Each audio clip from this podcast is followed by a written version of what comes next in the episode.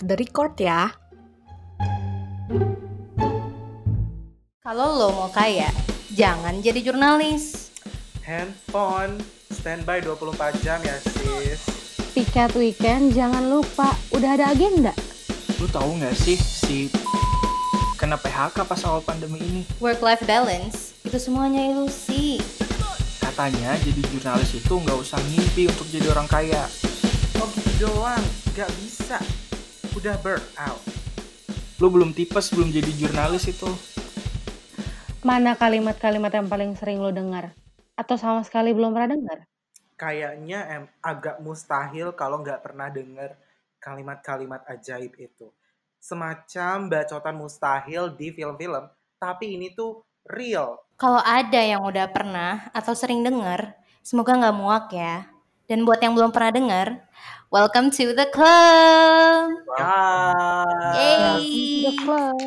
Welcome, welcome, welcome.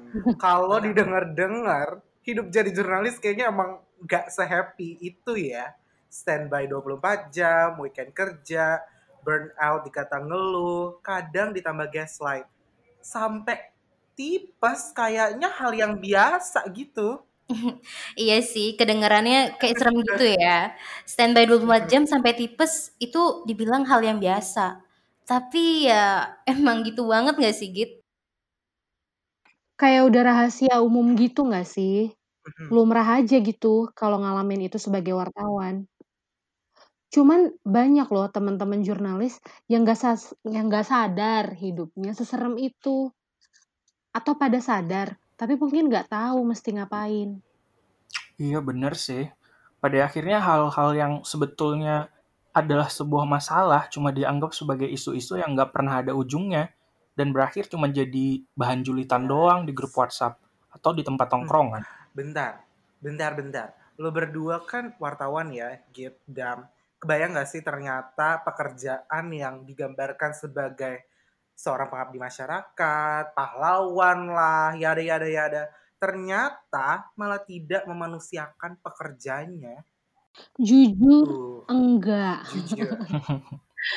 Kalau gue sih ya, dulu ngeba iya, karena karena dulu gue ngebayanginnya kerja jadi, wartawan tuh Hmm. asik gitu loh.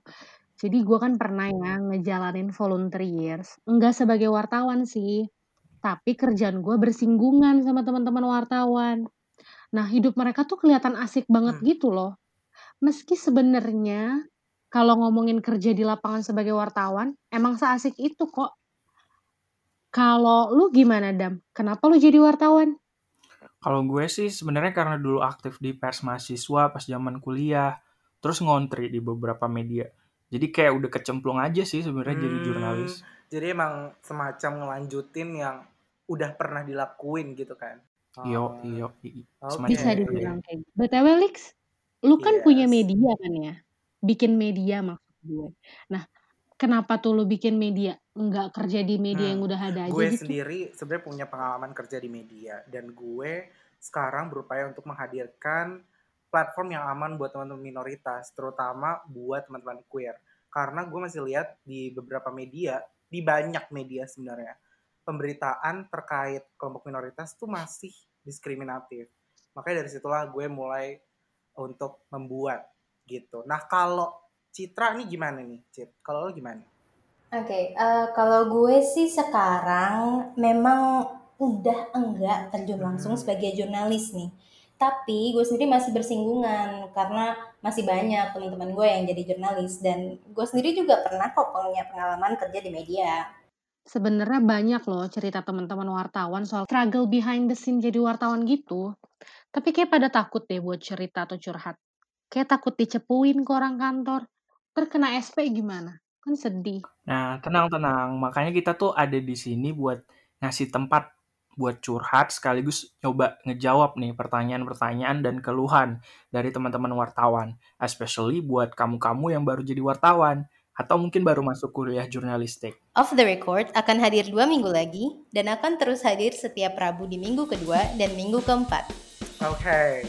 Ya udah, kalau gitu, see you dua minggu lagi ya, sister. Bye bye. Bye. Bye everyone.